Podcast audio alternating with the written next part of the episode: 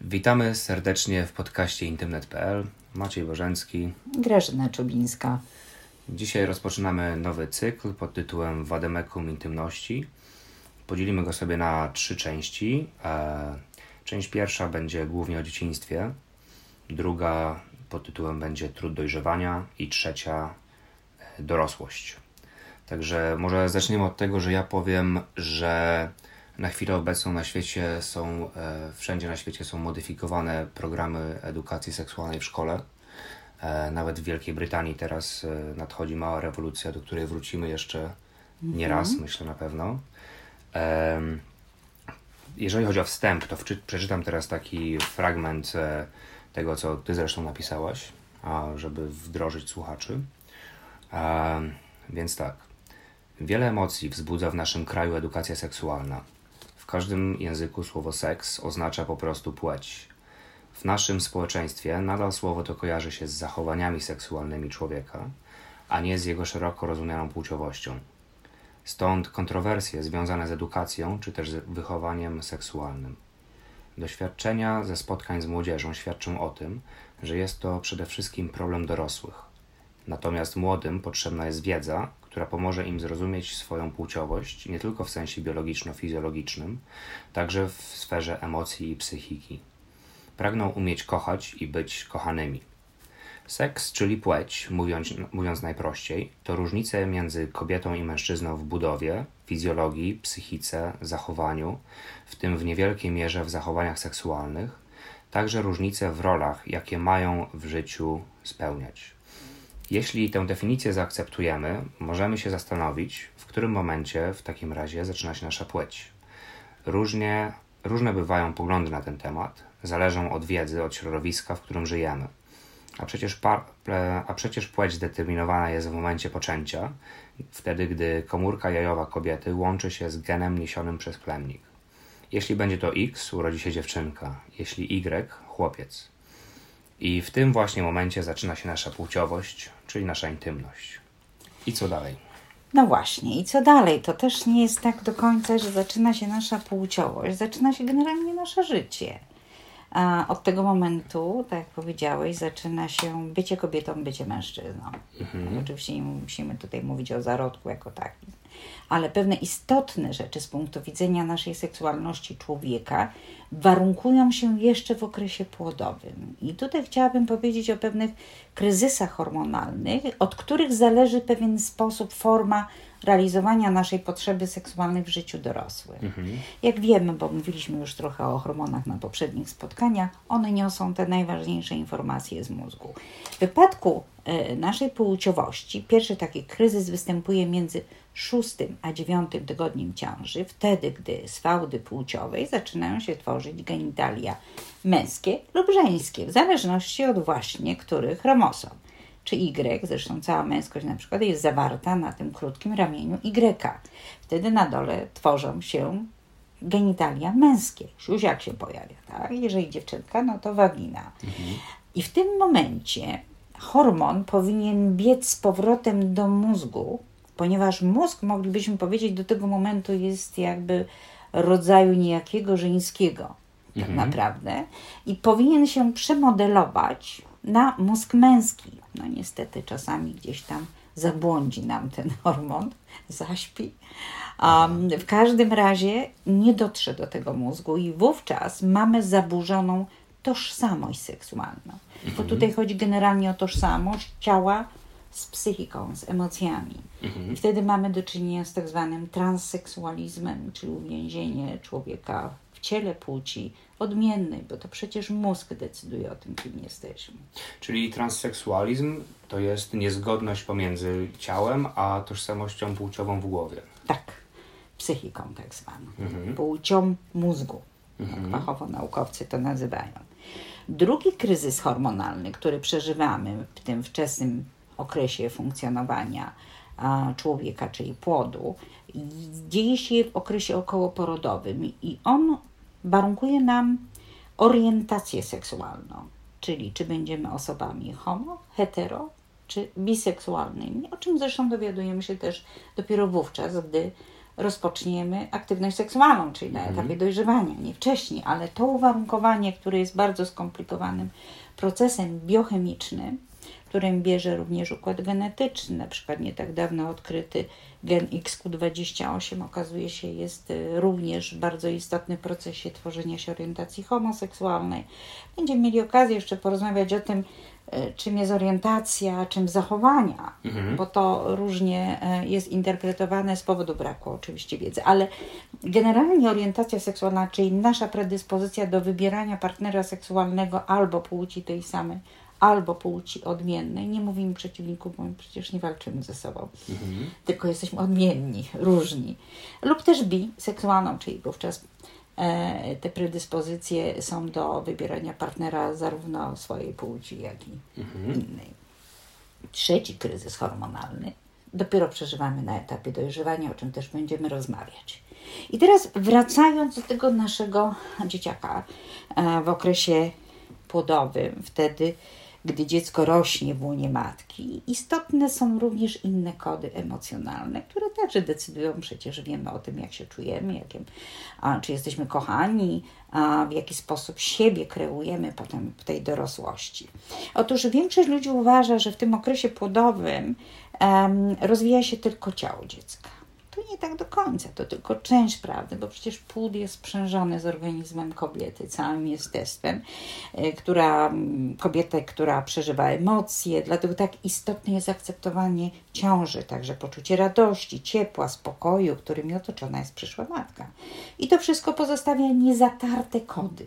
Kody właśnie w tym płodzie. Natomiast jak to w życiu bywa? No, bywa bardzo różnie. Mniej więcej powiedzmy około szóstego tygodnia ciąży, w tej chwili nawet częściej, wcześniej, bo, a, bo są testy stwierdzające ciążę, ale przyjmujemy średnio, że około szóstego tygodnia ciąży kobieta dostaje potwierdzenie od lekarza, że ta ciąża jest.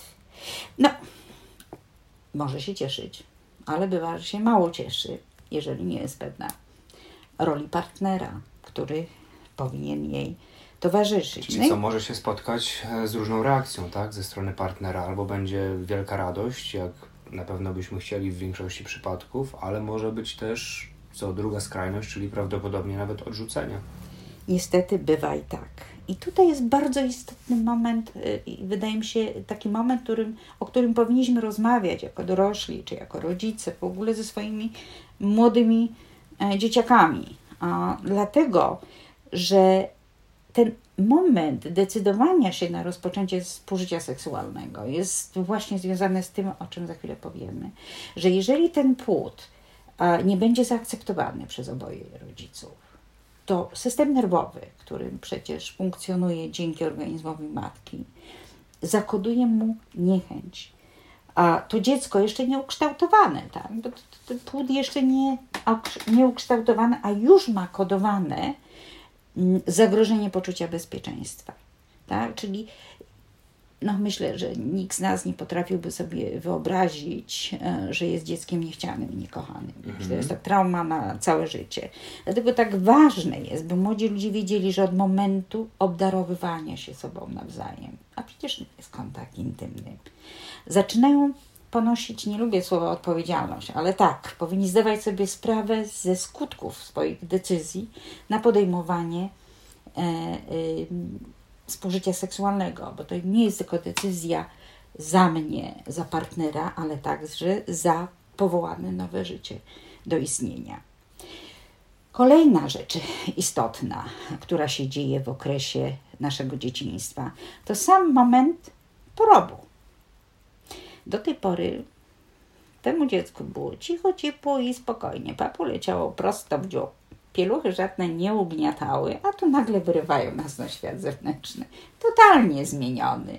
Mało tego jeszcze, um, ileś tam lat wstecz odbierano tego dzieciaka natychmiast matce i odilozowano gdzieś tam na oddziale noworodku. A tak, to słyszałem bardzo wiele takich opowieści i chyba ja sam też byłem tak potraktowany. No, w latach 80. to zaczęło się zmieniać, e, bo wtedy następuje tak zwany szok porodowy, zagrożenie bezpośredniego poczucia bezpieczeństwa, które jest tak istotne z naszego punktu widzenia pewności siebie.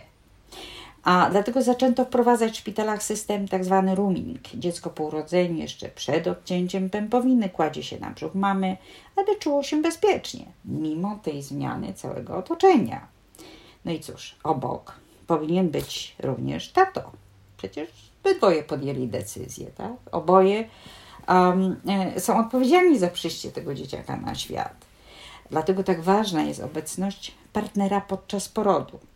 Dzisiaj jest to możliwe w wielu szpitalach, e, z tym, że no, to nie jest takie proste, bo przecież z czym nam się generalnie kojarzy poród, tak stereotypowo patrząc. Słyszysz pewnie różne opinie, mhm. no i co trafia do Twoich uszu a propos porodu? Jakie ludzie mają skojarzenia? No, z tego, co mi koledzy opowiadają, to wygląda to jak e, masakra. Jak masakra. Ale generalnie podnosi się kilka takich kwestii. Po pierwsze, że boli. Mhm. Że pojawia się ból, a co to jest ból, który pojawia się e, w czasie porodu? Otóż macica jak się obkurcza po to, żeby pomóc dziecku wydostać się na zewnątrz z tej macicy, to wtedy odzywa się sygnał mózgu nie blokuj tego, tylko współgraj. Czyli Aha. systemem oddychania jesteśmy w stanie ten właśnie ból opanować, a kobieta nie rozumie, jeszcze bardziej blokuje te skurcze. W związku z tym nasila się ból. Stąd też no, ważne jest, żeby kobiety chodziły do szkoły rodzenia, gdzie fachowcy nauczą ją odpowiednio oddychać, ćwiczyć w czasie poszczególnych tych trzech faz porodu, po to, żeby ułatwić i współgrać ze swoim ciałem. I fajnie by było, żeby również ten tatuś trzymał za rękę tą swoją partnerkę, tak? I pomagał jej, instruował, oddychaj, zatrzymaj się i tak dalej. A, I to ma sens. A jeszcze jedna kwestia. Otóż to, co powiedziałeś, masakra. Czy mógłbyś elementy tej masakry wymienić obok bólu? O co tu chodzi? No, myślę, że na pewno chodzi o to, co widzi, szczególnie taki tata. Mhm. Czyli mówimy tutaj o wydzielinach, które pojawiają się w czasie porodu. Mhm. Przede wszystkim te wody płodowe, tak, ludzie się krzywią, pe, takie brzydkie. Mhm. A, no niestety, to są kody, które dostajemy już na etapie dzieciństwa, o czym jeszcze będziemy rozmawiać, ale to pokazuje stosunek do naszego ciała. Do mhm. naszego ciała. Zresztą to nie o to chodzi, że mężczyzna ma akurat patrzeć w krocze w trakcie porodu, bo może stać obok i wspierać tą kobietę. Zresztą w tej chwili kobiety mogą rodzić w wannie, w basenach, a w jakichkolwiek warunkach i, i formach jakie im się tylko podoba, żeby ułatwić ten proces i dobrze jest y, porozmawiać z położną, czy też y, z lekarzem, w zależności w jakim kraju rodzimy. Wiem, też spotkałem się z taką historią, że w domu dużo ludzi robi, rodzi. Zaczyna to być modne, aczkolwiek jest to trochę mało bezpieczne według mnie, e, ponieważ ja też wychodzę z założenia, że my sami powinniśmy się przygotować do mhm. porodu, mhm. że lekarz powinien być tylko na podorędziu wtedy, gdyby było złe ułożenie płodu, jakaś tak. kliniczna historia. Tak. No ale trudno wzywać lekarza potem ileś kilometrów, tak? Jak tutaj trzeba robić szybko cięcie. No, byłoby to wysoce niepraktyczne, wydaje e, Więc wydaje mi się, że mimo wszystko te porody rodzinne to bym tak e, troszeczkę zawiesiła, że lepiej stworzyć warunki domowe w jakimś miejscu, gdzie jest z nami chociażby położna. To, to położna rzeczywiście jest tą osobą bardzo praktyczną, e, która może e, pomóc parze urodzić tego dzieciaka. Kobieta też, no, mimo wszystko, musimy to wyraźnie powiedzieć, powinna przygotować swoje ciało do wysiłku fizycznego. A wysiłek fizyczny jest bardzo poważny. Bardzo.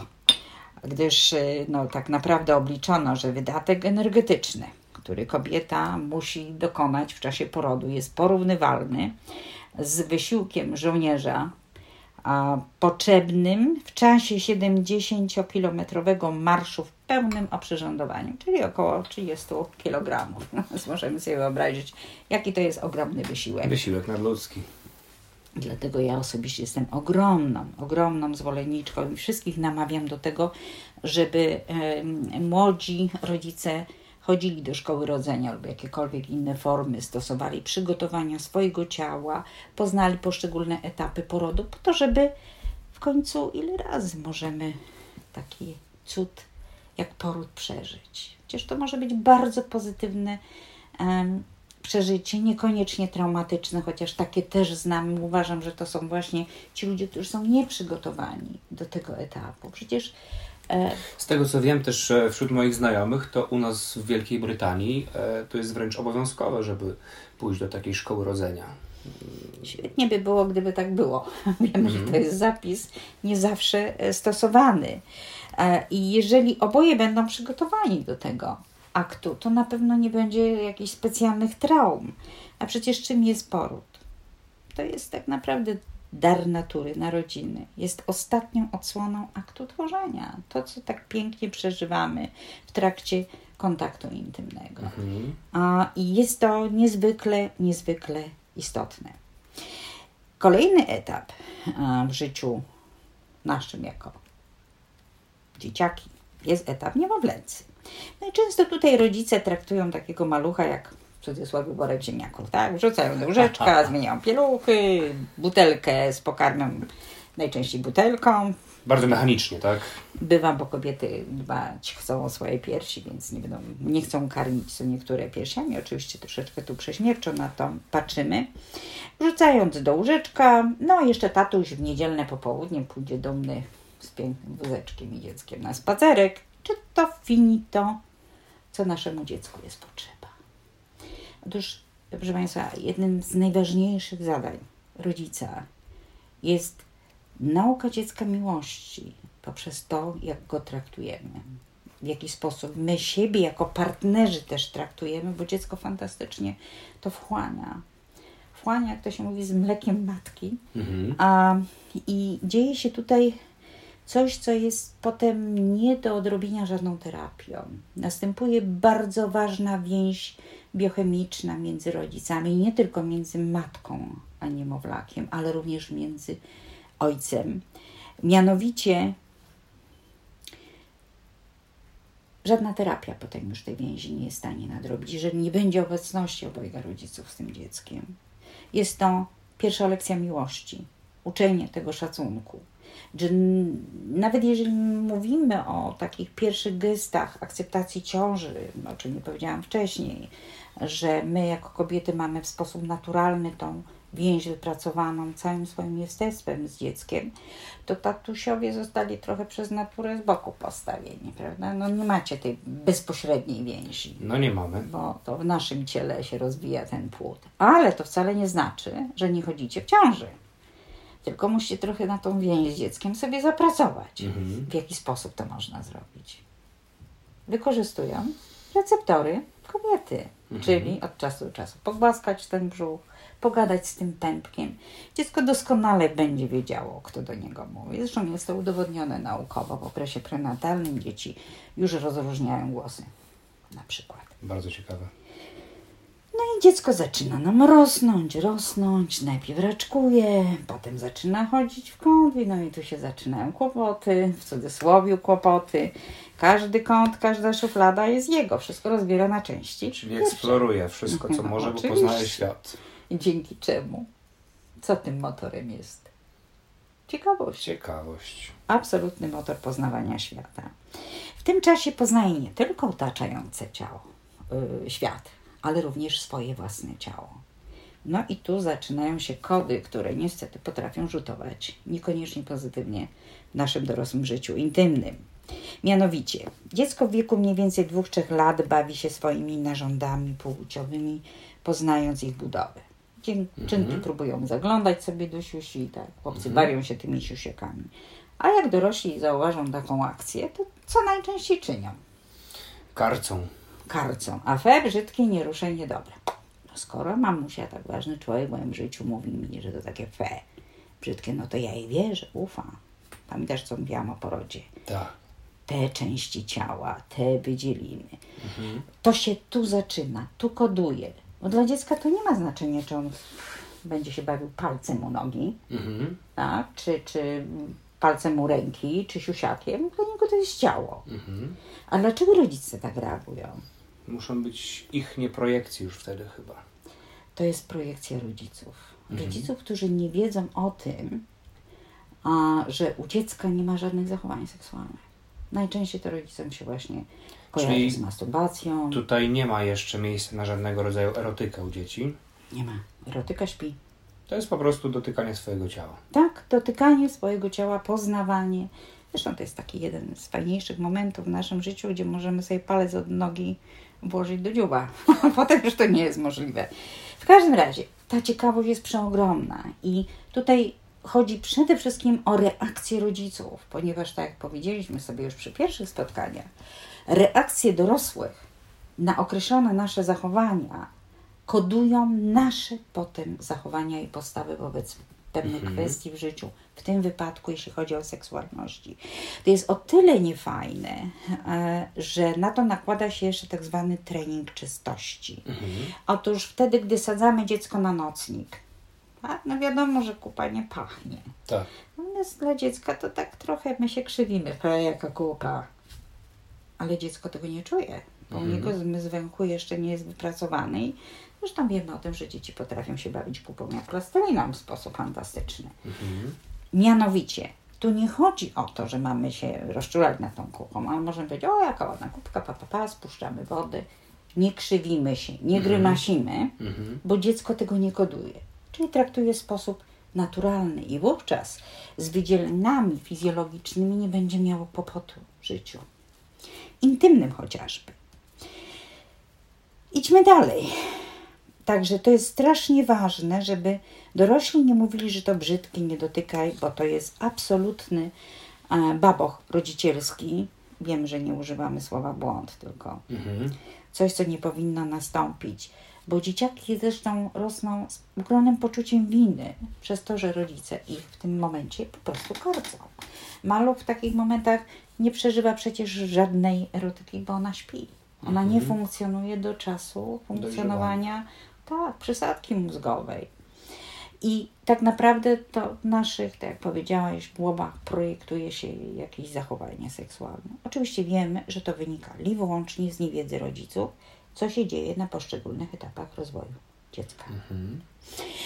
Tutaj dzieci e, nie tylko patrzą na własne ciało, ale także na ciało najbliższych. Rodziców. Oczywiście. I tutaj popatrz, mamy też takie kawałki pod tytułem, że jak dziecko nam łazi do łazienki, to walimy, co mamy pod ręką. Mydło, kapeć, ręcznik. Byle to dziecko nie widziało kawałka nagiego ciała. A dziecko jest ciekawe. Nie ma bata, musi zaspokoić jakąś ciekawość. Jeżeli w sposób naturalny nie będzie miało to przekazane, to co robi? Pewnie będzie podglądało. Oczywiście. I tu mamy kolejne zachowanie dzieciaków, które leżą takie rozplaszczone pod y, łazienkami, tak, tymi dziurami w drzwiach łazienki i próbujący y, cokolwiek tam dojrzeć, co się dzieje. Ja nie mówię o tym, żebyśmy od świtu do nocy biegali nago i mówili, patrz, jak jestem piękny, piękna, bo każdy z nas ma prawo do własnej intymności dziecko także warto, żeby się tego uczyło, ale jeżeli nie będziemy gwałtownie um, e, się zachowywać, to dziecko nie będzie miało kodowanych, niezdrowych emocji związanych z nagością. E, I tutaj ja osobiście uważam i polecam młodym rodzicom, że takim najprostszym e, sposobem oswajania dziecka ze swoim ciałem jest wspólna kąpiel rodziców z dziećmi, ale na tym wczesnym etapie dzieciństwa. Tak. Wtedy właśnie dzieci mają okazję zobaczyć, szczególnie, że jest chłopczyk dziewczynka, tak? dlaczego ja mam siusiaka, a ona nie, tak? na przykład. No i wtedy ładnie możemy powiedzieć, będziesz kiedyś tatusiem, będziesz wyglądał tak jak tatuś, tak wygląda mamusia. Powtarzam, na wczesnym etapie dzieciństwa jest to bardzo wskazane, Czyli w jakim wieku to jest? to jest mniej więcej do trzeciego roku Mhm. Do trzeciego życia. roku do trzeciego roku życia jest to w miarę bezpieczne. Tutaj trwają dyskusje pedagogów, psychologów na ten temat, ale wszyscy mniej więcej się zgadzamy, że tutaj to nie jest absolutnie groźne i nieprawdziwe. Tak. Jest to etap, gdy dziecko poznaje siebie, oswaja siebie ze swoim światem i dowiaduje się, czy też akceptuje, że utożsamia się Mhm. ze światem człowieka. Świetnie. Czyli e, to był odcinek Wademekum Intymności e, na temat dzieciństwa, Wczesnego dzieciństwa. wczesnego dzieciństwa, a kolejna część będzie na temat trudów dojrzewania. I jeszcze, po, jeszcze trochę porozmawiamy o dzieciństwie, bo tu się parę rzeczy dzieje, o których wydaje mi się, że warto, żeby dorośli wychowujący swoje dzieciaki wiedzieli. Świetnie.